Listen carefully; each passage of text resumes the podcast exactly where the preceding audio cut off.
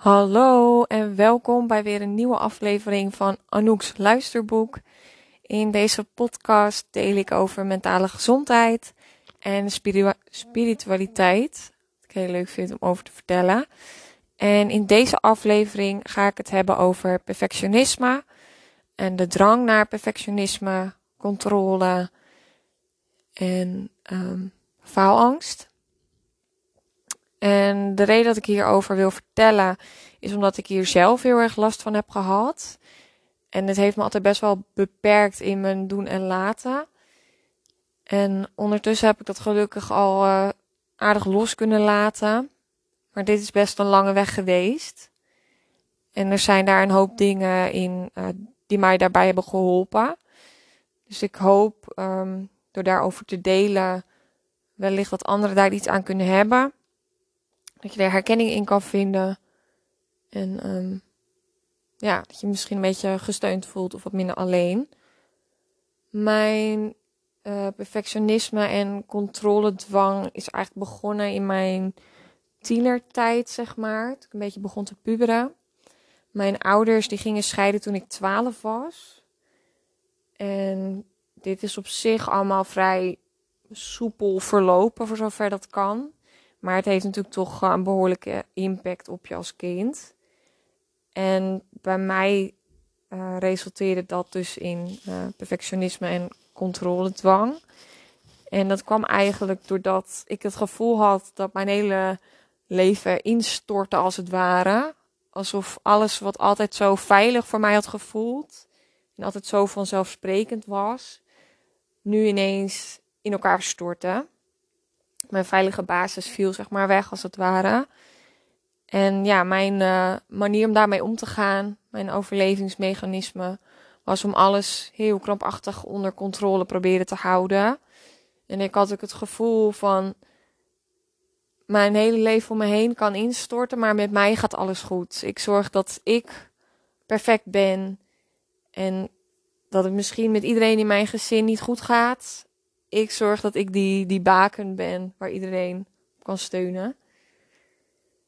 Dus ja, best wel uh, verantwoordelijkheid die ik mezelf oplegde. En de lat die ik gewoon onwijs hoog legde. Um, nou ja, en hoe dat, hoe dat er dan uitzag, is um, nou, dat ik dus wilde dat het gewoon altijd goed ging met mij. Dat ik al mijn zaakjes op orde had. Mijn kamer zag er altijd spik en span uit. Uh, ik zorgde voor het huishouden. Mijn cijfers, vooral op school, uitzicht dat heel erg. Waren gewoon altijd super hoog. Ik studeerde heel hard. Nou, sociale leven, sporten, werken, gewoon alles. Dat je alles op een rijtje hebt, weet je wel. Nou, ik denk dat best wel uh, wat mensen zich hierin zullen herkennen. Um, daarbij was het dan ook nooit goed genoeg eigenlijk. Er was geen, ja, weet je, perfectie. Dat, dat eindigt nergens, zeg maar. Want het is dan ook nooit goed genoeg. Want eigenlijk bestaat er natuurlijk helemaal geen perfect. Maar daar streefde ik wel naar. Dus dat uh, putte mij wel heel erg uit. Kost ook heel veel energie.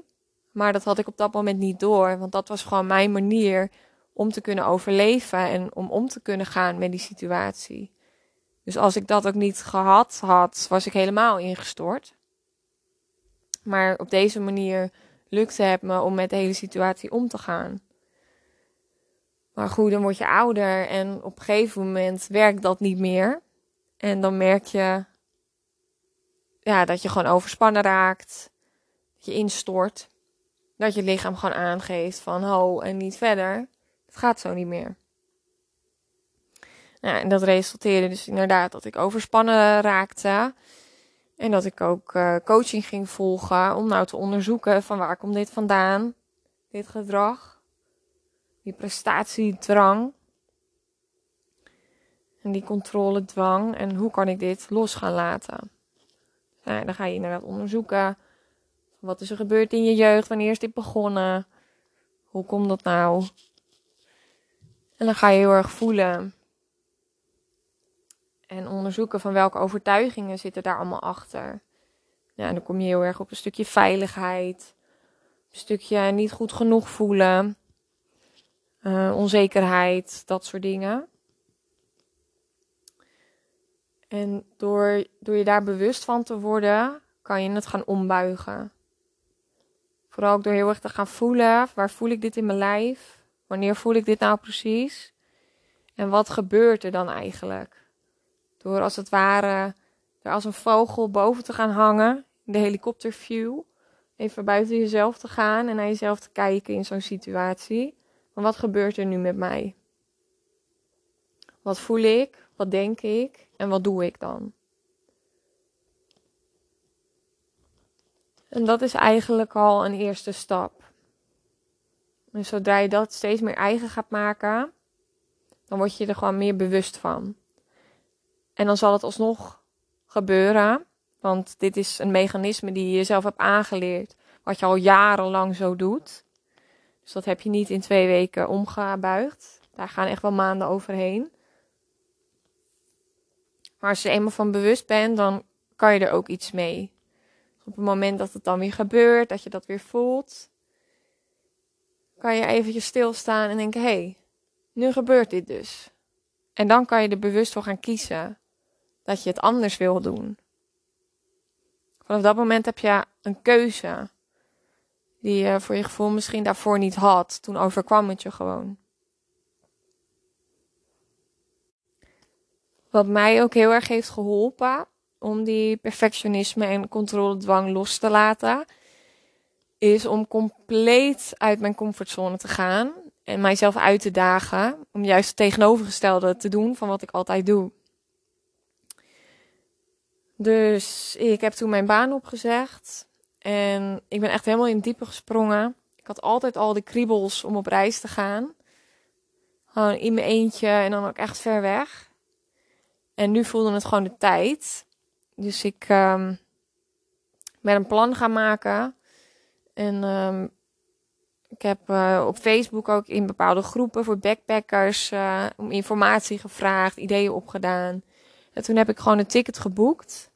Een, um, een enkel, uh, hoe noem je dat? Enkele reis naar Cambodja. En daar ben ik toen begonnen bij een yoga retreat. Waar ik tien dagen was.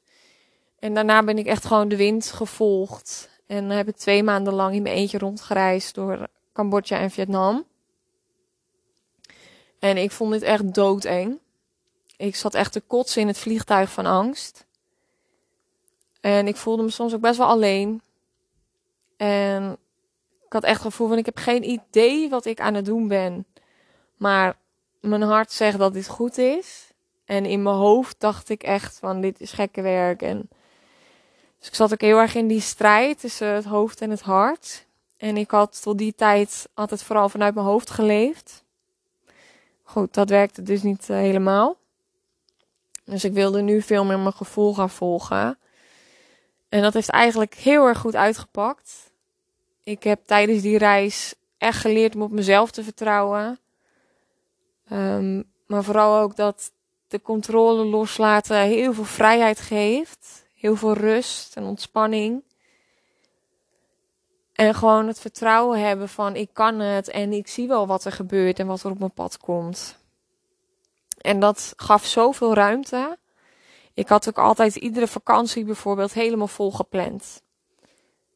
Omdat ik bang was met me te vervelen en alleen te zijn. En me dan rot te gaan voelen. Um, ja, en ook bang om dan niks te doen te hebben. Dus ik plande gewoon mijn hele vakantie vol. Om vervolgens doodmoe te zijn en alsnog geen gevoel van vakantie te hebben. Dat was ook echt dat stukje controle en perfectionisme. En nu doe ik dus juist helemaal het tegenovergestelde. Ik had toen dus gewoon twee maanden, of eigenlijk vier maanden, had ik gewoon de tijd om te reizen. En ik zag wel waar het schip me bracht. En dat gaf zoveel ademruimte, zoveel lucht. Ik kan dat echt iedereen aanraden. Mocht je die droom hebben, doe het. Het zal je zoveel brengen. Je gaat zoveel leren over jezelf. Hoe eng je het ook vindt, iedereen kan dat.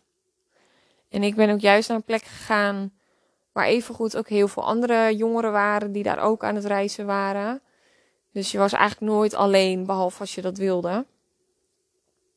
En um, ja, weet je, die gebieden zijn ook hartstikke ingericht op toeristen. Dus je redt je kon daar echt wel. En het was voor mij ook juist de uitdaging om op mezelf te vertrouwen en om dat alleen te doen. Want dat is waar die reis voor mij ook heel erg over ging. Het vertrouwen in mezelf. Dat ik niet alles tot in de puntjes en de perfectie geregeld hoefde te hebben of voorbereid hoefde te hebben. Gewoon go with the flow. En als dingen zich aandienen, dan zie ik het dan wel weer. Veel meer in het hier en nu en in het moment leven. En ja, dat uh, lucht gewoon heel erg op. En als je ook kijkt naar dat stukje controle, dwang, kan zich dit bij iedereen ook weer anders uiten. Bij mij um, zat het heel erg in het plannen en het structureren. Maar het ging bij mij bijvoorbeeld ook om eten. Over eten had ik bijvoorbeeld ook heel erg de controle. Ja, bij mij uitte zich dit dan in heel veel eten, heel veel snoepen, chocola vooral. Um, doordat het mezelf zoveel stress opleverde om die perfectie maar vol te houden, verdoofde chocola en snoep daarentegen mij weer. En hielp me weer een beetje te ontspannen en me weer een beetje blij te voelen. En uh, alcohol ook wel. In het weekend dan kon ik gewoon lekker ontspannen, lekker dansen, uitgaan, gek doen. Dan hoefde ik niet dat masker voor te houden. En zo zal iedereen dit weer op een eigen manier uh, hebben. En als ik dan nog kijk naar het stukje perfectionisme daarin schuilt natuurlijk heel erg een angst om te falen. En um, die perfectionisme verlamde mij ook heel erg. Want ik zag altijd beren op de weg. En er zijn natuurlijk ook altijd beren op de weg. Er kunnen altijd dingen fout gaan. En dat wilde ik kosten wat het kost voorkomen. Ik wilde gewoon er absoluut geen fouten maken. Want dan had ik echt het gevoel dat ik faalde en dat mijn leven voorbij was. Dus ik deed daardoor ook heel veel dingen gewoon niet. Want dan was er een kans dat het fout ging. Dus dan kon ik het maar beter niet doen. Want dan kon het ook niet fout gaan. Maar daardoor heb ik mezelf wel heel veel uh, ontnomen, zeg maar, in die tijd. En heel veel dingen niet gedaan die ik wel had willen doen. En dat heb ik ondertussen alweer aardig ingehaald. Maar dat uh, is wel echt zonde. En dat gun ik niemand. Dus wees alsjeblieft niet bang om fouten te maken, want er is helemaal geen goed of fout. Er is alleen maar ervaren. En ervaring opdoen en groeien. En je leert er alleen, alleen maar weer van. En dan het stukje presteren. Dat komt denk ik deels ook wel uit mijn opvoeding. Ik ben ook wel opgevoed met het idee van haal goede cijfers, dan krijg je een goede baan. En dan zit je gewoon veilig in het leven, zeg maar. Dan kan je gewoon goed voor jezelf zorgen en dan ja, ben je veilig, zeg maar. Maar ook een stukje van dan ben je goed genoeg. En ik denk dat dat ook wel iets is in de samenleving. Dat we heel erg um, gefocust zijn op het presteren. De hele school is natuurlijk ingericht op cijfers halen, diploma's halen ja, het leven is een beetje ingericht van ga naar school, leid jezelf goed op, ga werken en dat is je leven. En ik ben me nu veel meer aan het focussen op wat maakt me gelukkig? Waar ligt mijn passie? Waar word ik blij van? En sinds ik die route in ben geslagen, voel ik me zoveel gelukkiger, zoveel meer voldaan na een dag. Niet meer uitgeput en leeg en gefrustreerd en maar we allemaal dingen nodig hebben om mij beter te voelen. Zoals snoep of alcohol of drugs of wat dan ook. Maar gewoon die innerlijke rust en die innerlijke vrede.